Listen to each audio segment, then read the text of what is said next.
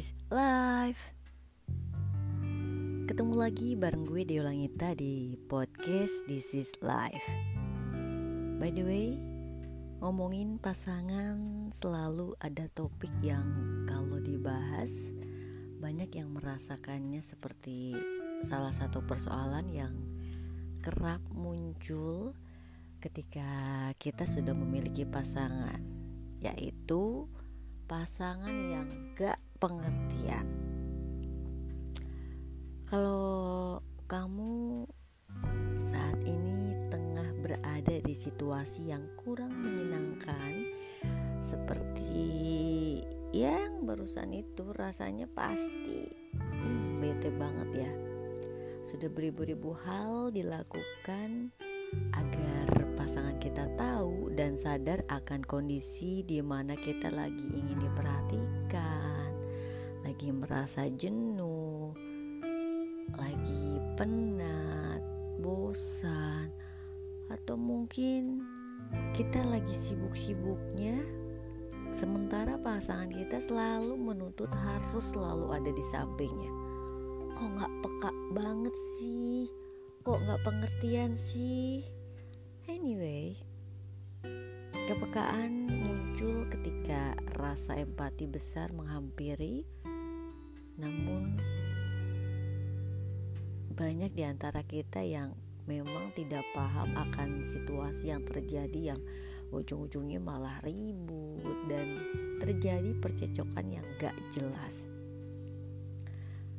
Perlu diketahui kepekaan gak bisa muncul begitu aja. Sekalipun mungkin kamu dan pasanganmu sudah berhubungan cukup lama.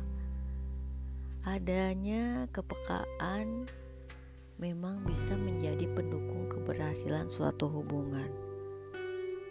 Namun apabila pasanganmu gak juga mengerti gak juga tahu apa yang kamu mau, berarti ada yang salah dong dengan hubungan kalian selama ini.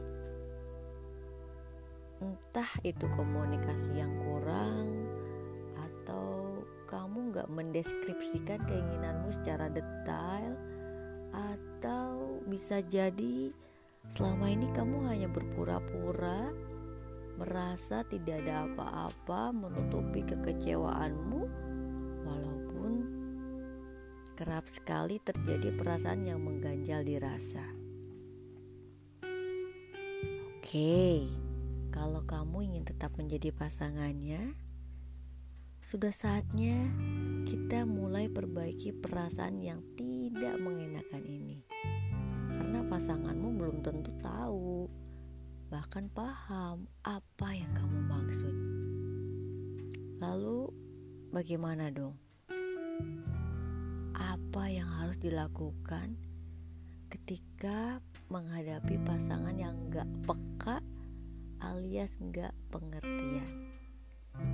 Yang jelas, karena pasanganmu tidak tahu isi hati kamu, kenapa tidak kamu utarakan?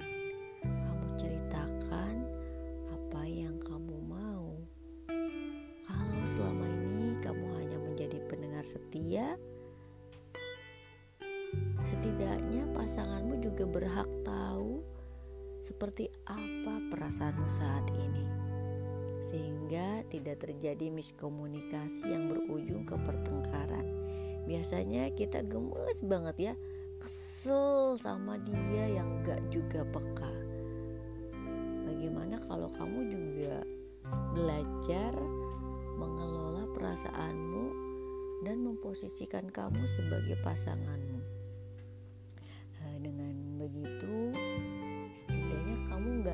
Berpikiran negatif dan mencari-cari kesalahannya. Karena yakin banget deh, ketika pasanganmu tuh nggak pengertian dan bikin jengkel, pastinya sakit banget. Untuk itu coba mempercayai pasangan adalah hal yang mungkin klise dan ya berat memang untuk dilakukan tapi kenapa nggak mencobanya demi keutuhan hubungan terkhusus untuk kamu yang berada di posisi yang konon katanya kamu yang gak pengertian. Terlebih kamu yang sudah menikah kalau kamu masih belum tahu apa yang harus dilakukan kamu harus lebih banyak meluangkan waktu untuk pasanganmu.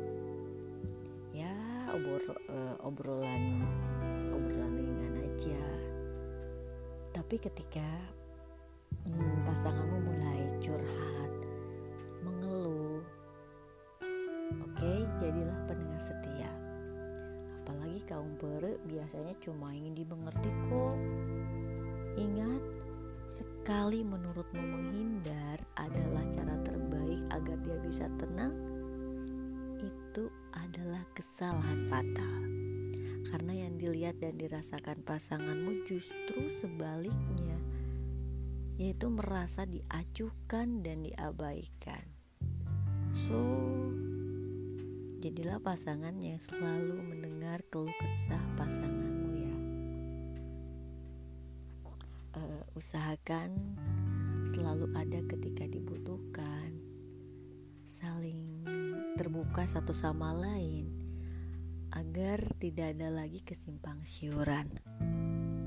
Satu hal lain yang bisa dilakukan adalah dengan menurunkan ego.